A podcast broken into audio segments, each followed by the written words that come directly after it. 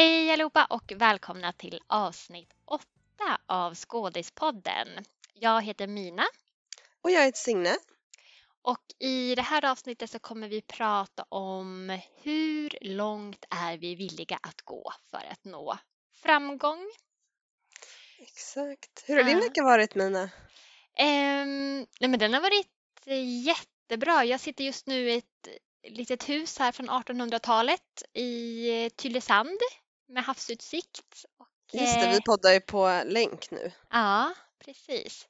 Så jag har haft en jätte, jätteskön vecka. Jobbat och eh, varit ledig om vartannat. Gud vad härligt. Mm. Men du har jobbat på. Vi skulle ju egentligen ha spelat in för någon dag sedan men då hade du fullt upp med att filma self-tapes. Eller self-tape. Ja men precis. Ja när vi eh, poddar idag så är det ju söndag. Ehm, så det har, det har varit en hektisk vecka faktiskt. Jag har jag gjorde det här kanske lite klassiska som inte känns helt okaraktäristiskt skådespelare men jag började spela in ett par self-tapes som jag skulle skicka in. Um, jag ska skicka in dem idag men jag började filma dem i torsdags Mm. och det gick jättebra och sådär och jag hade en kompis över som var motläs och vi liksom hade förberett väldigt mycket och liksom så. Och sen så låg jag på kvällen och tittade igenom de här inspelningarna och kom på att jag ville göra det på ett annat sätt. Åh nej. Och bara kände att nej, nu när jag ser det så, liksom det var inget fel på, på tapesen eller sådär men jag bara fick helt nya idéer om min karaktär och, och om karaktärens driv i scenerna och så. Mm. Så då satt jag där och tänkte liksom att men ska jag göra om det här nu eller ska jag försöka göra det själv nu eller vad ska jag göra? Och jag dividerade lite där med min kompis fram och tillbaka. Som nog förstod att jag ville väldigt gärna göra om det här. Mm. Så dagen efter faktiskt så bara knackade hon på dörren, överraskade hon mig liksom på eftermiddagen och sa nu, nu gör vi om det här så som du vill ha det. Åh vad gulligt.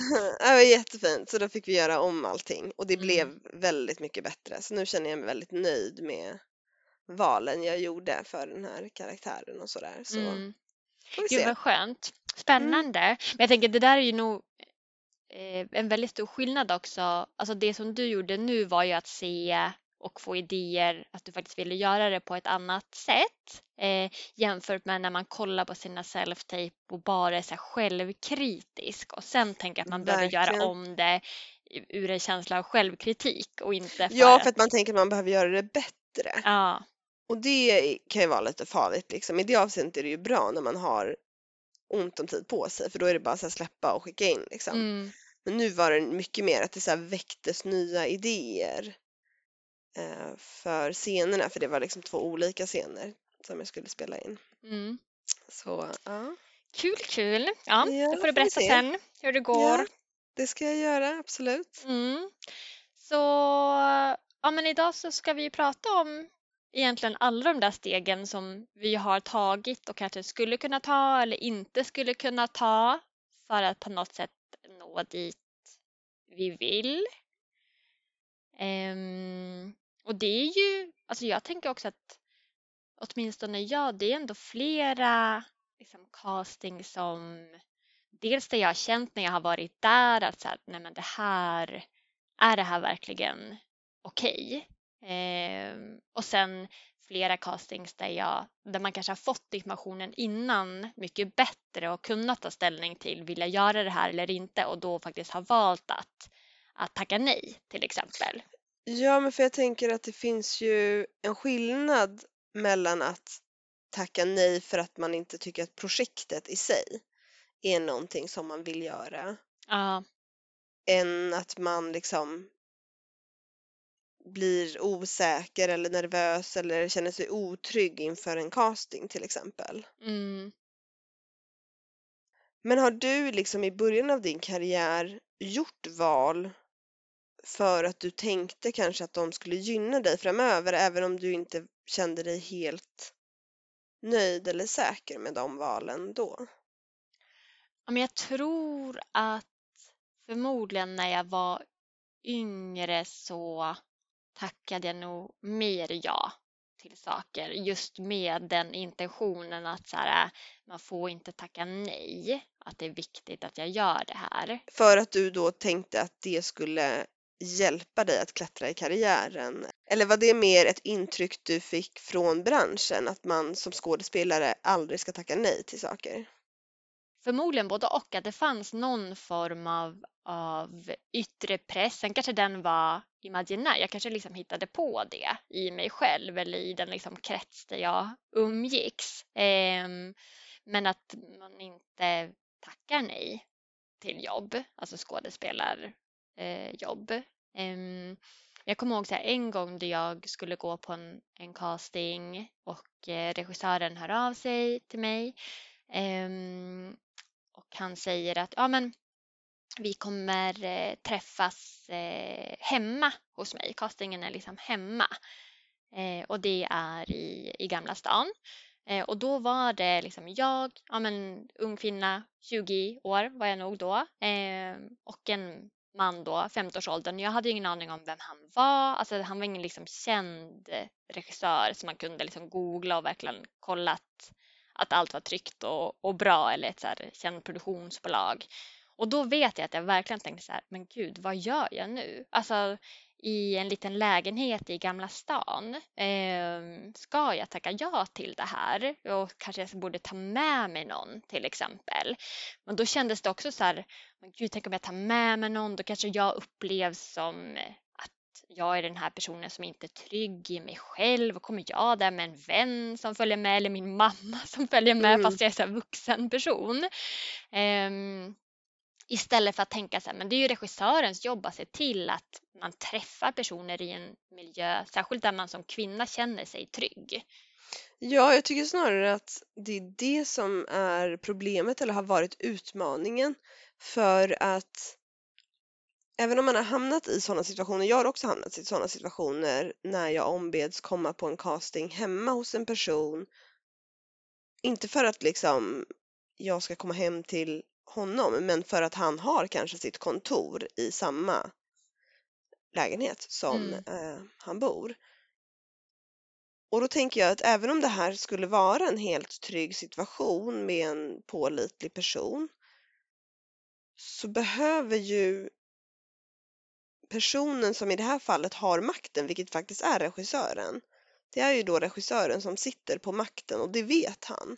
Mm. Då behöver ju han nu, nu säger jag han för jag har bara varit i den här situationen med manliga regissörer. Mm. Men då behöver ju han se till att bygga upp en situation som är trygg oavsett om han vet med sig att han är en bra reko snubbe. Mm. Så tänker jag att då kanske man kan säga men vi kommer vara flera här, vi har en eh, rollsättare eller producenten är här eller du kommer spela mot någon annan.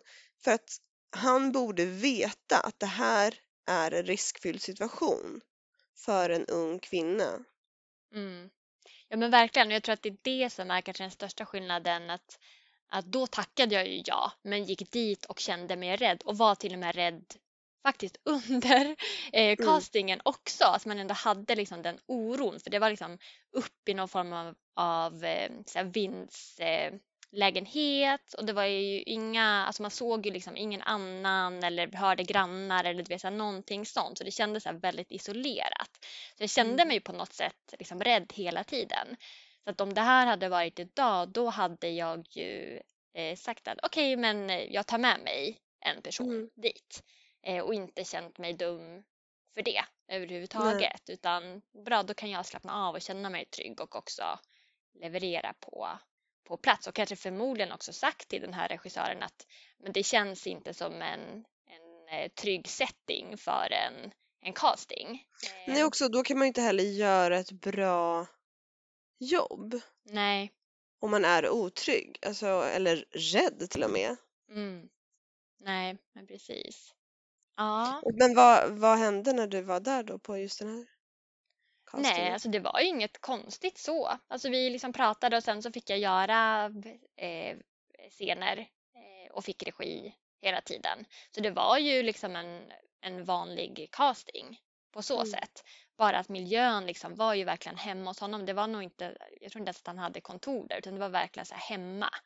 Och jag skulle sitta vid någon så öppen brasa liksom och göra någon scen. Så det var ju ändå ja, lite märklig omgivning.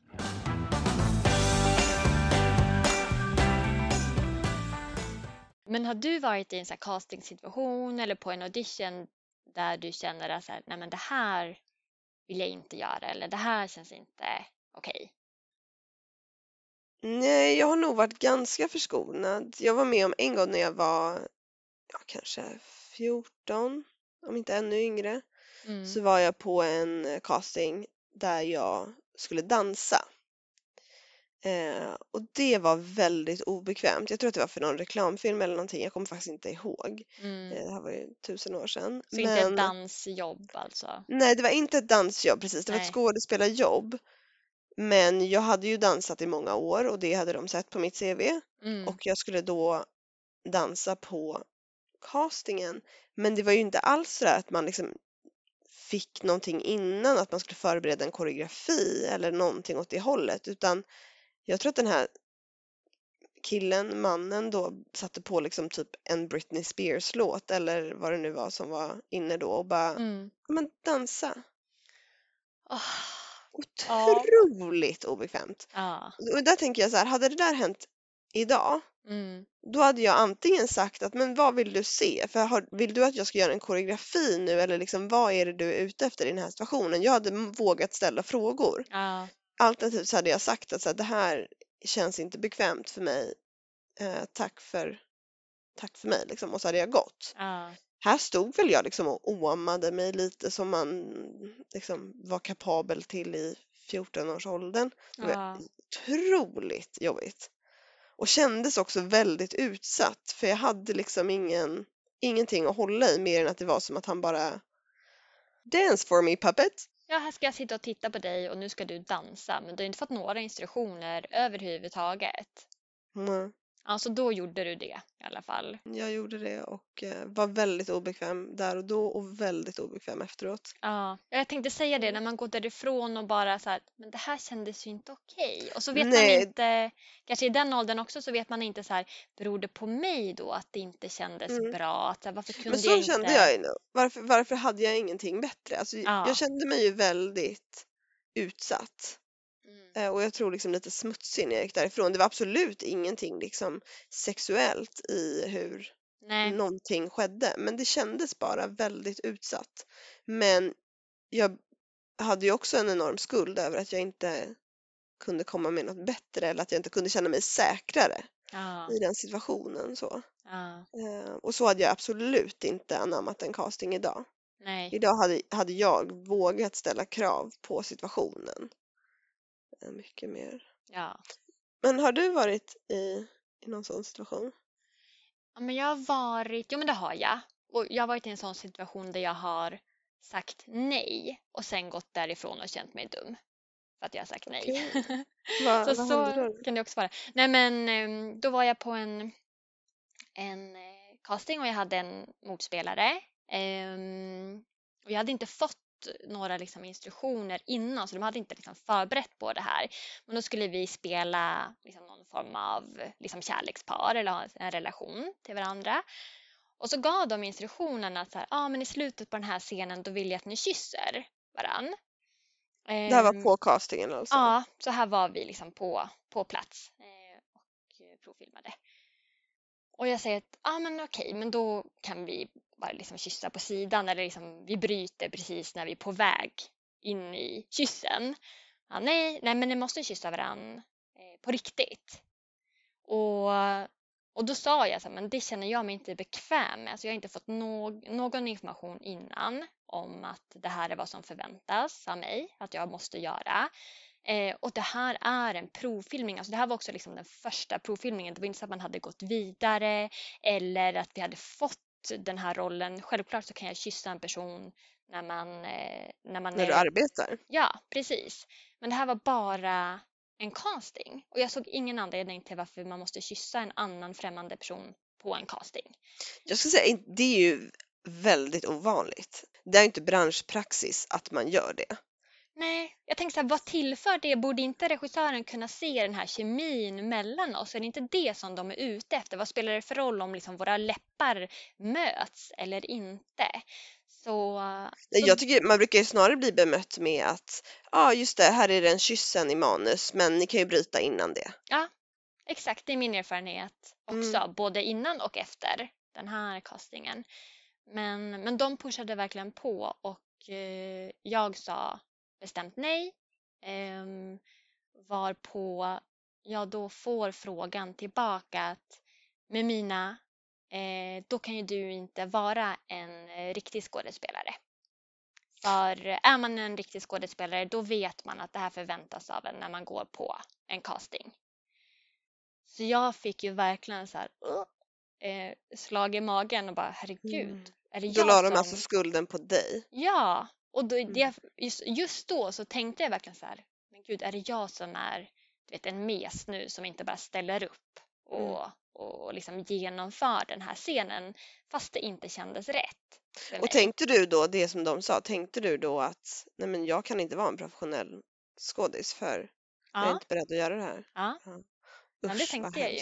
Verkligen att så här, Nu vill jag ta hand om lilla unga Mina och säga att det var inte ditt fel. Nej. Nej men och det var ju, och det där hängde ju kvar. Så att jag, men som tur var så, så ringde jag ju och pratade med flera av mina professionella skådespelarvänner efter det. Ehm, och en sån mentor till mig också som jag jobbade mycket med. Och alla sa ju samma sak att, men herregud, vad, vad har du gått på för casting? Att så här, Mm. så här ska det inte gå till. Och ingen av dem har behövt kyssa en person när man har gått på Nej. en casting. Jag har aldrig varit med om det. Och jag tänker till och med när man bokar ett uppdrag eh, där det är intimitet inblandad Mm. i, då har man ju också ofta en ganska saklig diskussion om det och man pratar om hur långt man är villig att gå eller medan nu för tiden har vi ju intimitetskoordinatorer Ja, som ser till att det är en trygg miljö ja. för alla inblandade. Det här kommer ju efter eh, metoo-rörelsen. Men jag menar den här situationen du var i skulle jag aldrig ha flugit efter metoo. Nej. Och det är ju bara ytterligare ett bevis på hur många utsatta situationer som fanns och finns Mm. där ute. Mm. Ja, för jag tänker så här. Om jag inte hade haft någon att prata med efteråt som ändå hade sagt till mig att "Men Mina, du handlade helt rätt. Eh, Mm. Eh, så, så hade jag förmodligen liksom gått runt med den känslan jättelänge att så här, gud, jag är en liksom dålig skådespelare, nu var inte jag professionell och ja, det hade ju förmodligen suttit kvar mycket längre i mig. Mm. Mm. Men, det, men det känner du inte att det gör idag? Nej, det gör det inte. Jag Mm. var jätteglad att jag stod upp för det som kändes bra Mm, för gud, mig och bra. vågade göra det. Verkligen. För det som man hamnar i där, tänker jag, är ju också den här känslan efteråt. Att så här, tänk om det här hade varit mitt stora break. Ja, Om jag hade gjort det här och jag hade fått den här rollen så hade det liksom varit början på allting. mm, Så kan man ju tänka ganska mycket i väldigt många olika situationer som man... ja. Ja, men Mm. precis. Och jag tror att det är därför som det kanske är lätt att ibland gå över ens egna moral eller jag vet inte det som man sätter upp för sig själv. Men just med den tanken att så här, men tänk om jag tackar nej till det här nu för att det inte känns rätt i mig och så missar jag den här stora chansen. Mm. Att jag kan tänka mig att det är många som, som kanske då tackar ja istället för att Ja. båda, alltså oavsett vad man väljer så ger det ju någon form av bitter eftersmak. Alltså som Verkligen. för dig när du dansade och kände dig helt obekväm och inte fick några instruktioner alls så gav det en bitter eftersmak för att nu gjorde jag någonting som inte kändes bekvämt och okej för mig. Mm. Eh, och för mig när jag sa ifrån och sa att nej men det här vill jag inte göra. Då får jag en känsla av att nej men nu var inte jag en professionell skådespelare. Och det var faktiskt någon som sa det till dig, vilket är helt Ja. oacceptabelt. Ja. Mm. Så ja. Hur långt kan man gå? Hur långt kan man gå?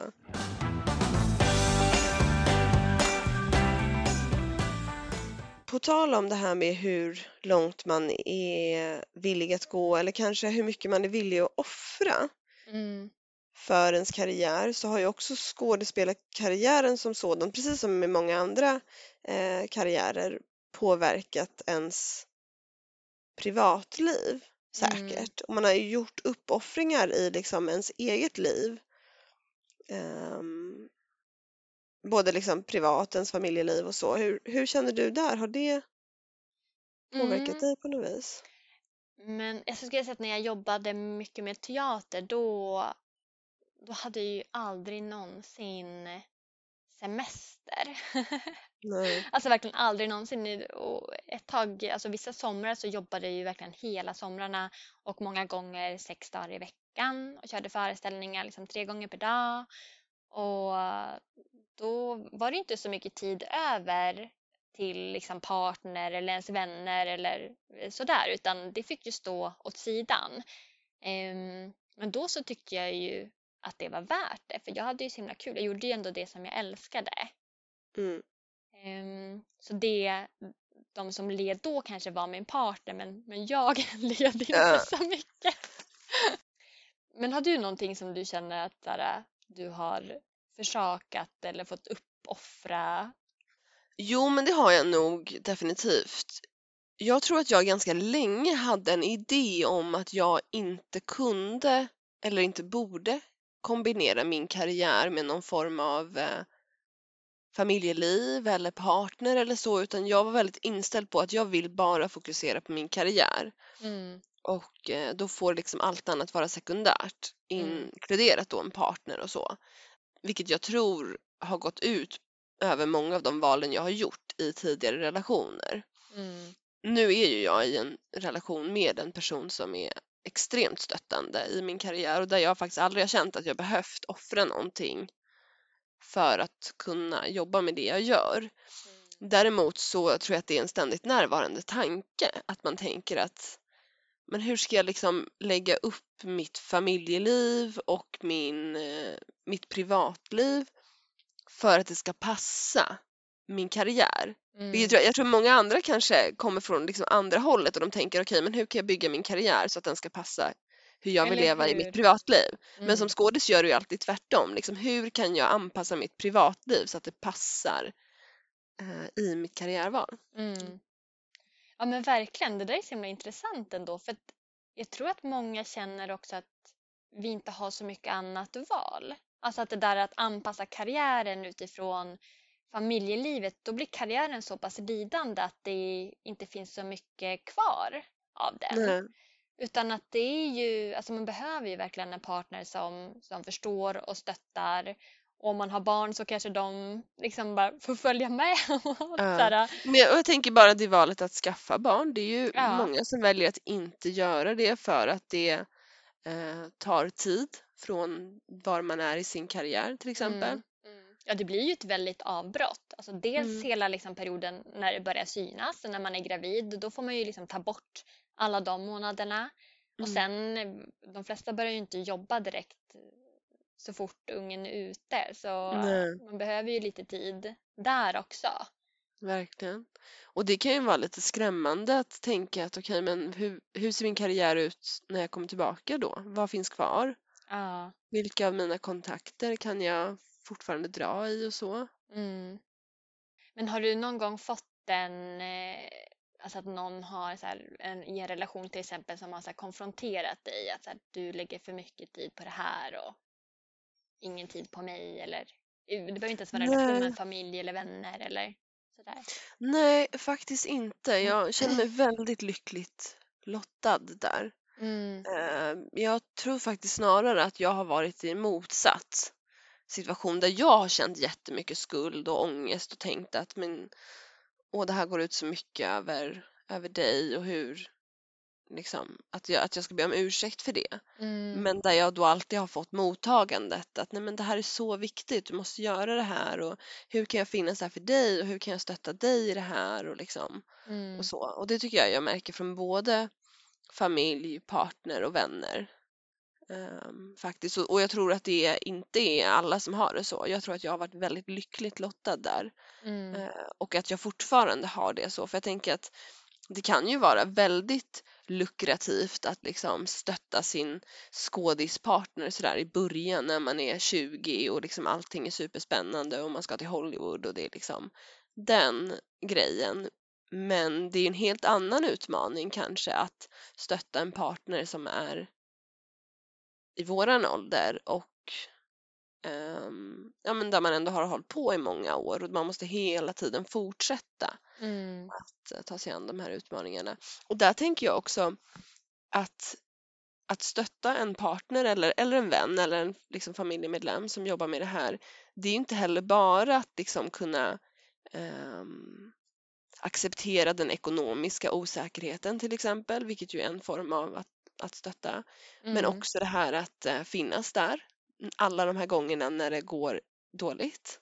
Ja. Och alla gånger man får nej och alla gånger liksom ja, som man som det tar en liksom, som det påverkar en mentalt. Mm. Där behöver man ju också ha liksom omge sig av personer som orkar bära det på något vis. Mm. Ja men verkligen. Och ändå stöttar för att det här är vad du vill eller vad jag vill eller vad den där skådespelande personen, partnern Mm. faktiskt vill. Exakt. Ja. Ehm, Ja, för det tänker jag, det är väl verkligen något som nu jobbar ju inte jag heltid längre, men när jag jobbade som heltid med, när jag jobbade heltid som skådespelare, det jag försakade verkligen då var ju ekonomin. Alltså för att inte Mm. ha den här tryggheten, eh, att, utan att man också dels måste tacka ja till alla jobb, alltså rent ekonomiskt. För Mm. att nu kom det in ett jobb här och vi hade tänkt att vi skulle ha semester, men eh, det här kommer ge mig den här ekonomin och också den här chansen att få jobba. Att så här, på något sätt så kan ens planer i det övriga livet alltid liksom behöva ändras om. Eh, Ja, verkligen. Och det tänker jag är så viktigt att få säga det. Jag säger det bara när vi planerar in semestrar så säger jag att ja, vi gör den här semestern om det inte är så att jag får ett jobb och behöver jobba. Ja, Och det, är ju, det kan låta otroligt själviskt men som du säger, man har inte riktigt ett annat val. nej. Utan Alltså, du behöver gud. hålla dörren öppen. Jag tänker så här själv, hur skulle jag klara av att leva med en sån partner? Nej, jag skulle aldrig leva med en skådespelare. Uh, Bara aldrig kunna planera någonting eller när man planerar någonting så att också veta det att det här kan ändras och då ska man vara Mm. okej med det. Att det Ja. ändras. men jag menar, det, det är också så, jag tänker som vi lever nu, att eh, du har ju en, en son, jag, Mm. har, jag har en valp. Eh, nej men då, då, det kan ju vara så enkelt som att så här, vet du, jag behöver spela in en self-tape ikväll, du behöver ta hand om hunden i mitt fall då, eller din son i ditt fall. Mm. Det är också ett sätt att liksom stötta och offra liksom. Ja.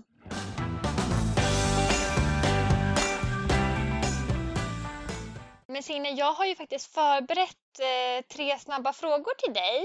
Ja, det här är en ny grej som du har eh, Ja, introducerat som jag faktiskt inte vet någonting om. Nej. Känns, känns spännande och lite läskigt. för att se då hur gärna vill du egentligen jobba som skådespelare? Okej. Mm. Ehm, är du beredd? Nej. Nej, då kör vi. Nummer ett. Du har fått ditt absoluta drömjobb, så här, huvudrollen i en Marvel-produktion. Men inspelningen är på en liten ö i Tjotahejti i nio månader och din kille får inte följa med. Tackar du ja? 100% ja. Ja, utan tvekan. Utan tvekan. Ja. Ja. För att, ehm, tänker du att er relation skulle klara det? Ja. Så där. Absolut. Ja, det, Ja. jag har inget, det, just det har jag faktiskt ingen oro kring. Det skulle vi, det skulle vi klara. Ja, bra. Min partner skulle aldrig tillåta att jag tackade nej heller. Nej. Han skulle säga nu, åk. Ja. Här är din flygbiljett.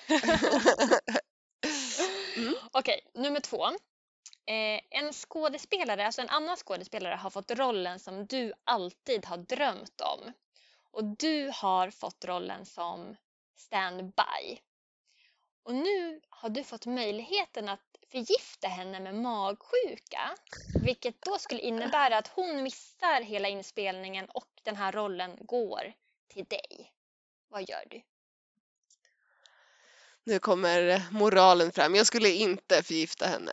Jag skulle inte vilja ha rollen under de förutsättningarna. Jag skulle liksom tänka att hela ehm, arbetet jag gjorde och all eventuell liksom, framgång som följde efter det skulle vara på något vis oförtjänt. Ja. Sen som- kanske jag liksom i hemlighet hade hoppats att hon skulle bli lite lätt sjuk eller att hon kanske skulle få ett annat erbjudande som hon jättegärna ville ha. Så Ja. kunde jag hoppa in där istället. Men eh, nej, jag tror inte att det skulle kännas bra att ta sig an en roll under de premisserna om det var inte under ärliga liksom, omständigheter. Nej, du som god Gud vilken hög moral! Ja. Jaha, de här var ju jättelätta. Men då så. Nummer tre. Eh, återigen, du har fått din absoluta drömroll, den bästa du kan tänka dig.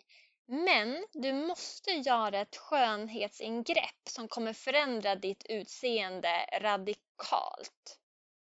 Gör du det? Oj, det här var, det här var den första jag behövde tänka på. Mm. Ehm, nej, jag skulle inte göra det faktiskt. Ehm, alltså om det är ett permanent skönhetsingrepp så känns det som att eh, nej, det, jag, jag är inte så intresserad av liksom, skönhetsingrepp för min egen skull. Jag har ingenting emot alls andra personer som eh, vill göra skönhetsingrepp men jag är inte alls liksom, det tilltalar inte mig personligen alls. Nej. Och jag tror att det skulle också sen påverka resten av min karriär. För jag tänker idag och hur jag ser ut idag, jag har liksom lärt mig på något vis att arbeta med det och jag vet vilka roller jag med mitt utseende på något vis nischar mig emot och sådär. Och Mm. jag tänker att skulle jag förändra det radikalt så skulle jag liksom behöva förändra hela min inställning till vem jag är och hur jag marknadsför mig själv. Mm. Och också kanske, ja, tänk, tänk om man får den där fantastiska rollen och sen så får man ingenting mer för att man gjorde de där skönhetsingreppen. Ja. Och min, mitt mål med min karriär det är ju att jobba alltid. Oavsett om det ger enorm framgång eller inte så vill jag alltid jobba med skådespeleri. Mm. Så ja, Ja, sån himla Knepig. bra människa du är. gud jag har verkligen eh, svarat så bra Ja. på de här. Nu, men nu betyder det, nu måste jag ju komma på tre frågor till dig till nästa avsnitt. Ja, Får Tänker se jag. vad vi ska prata om då. då. Mm, det är ju en överraskning. Ja, surprise. Ja, Ja. Det var allt vi kunde tänka oss att göra för framgång. Det var inte så mycket. Nej, det, var, det känns inte som att vi var några jätte, det var inga jättestora uppoffringar vi var villiga att göra här. Vi vill bara Jag- jobba hela tiden men ha det ganska skönt och easy going. Och, Exakt, Ja, stabilt. inte ja. göra så mycket uppoffringar längs vägen. Vi kanske också har gjort vår fair share av uppoffringar. Man har ju ändå jobbat halva sitt liv. Man har nog offrat en hel del redan. mm. ja vi säger det så. Så säger vi. Mm. Tack allihopa för att ni har lyssnat. Följ oss gärna på Instagram. Mm. Där heter vi Skadispodden. Och lyssna igen nästa vecka. ha det bra! Hejdå! Hej då!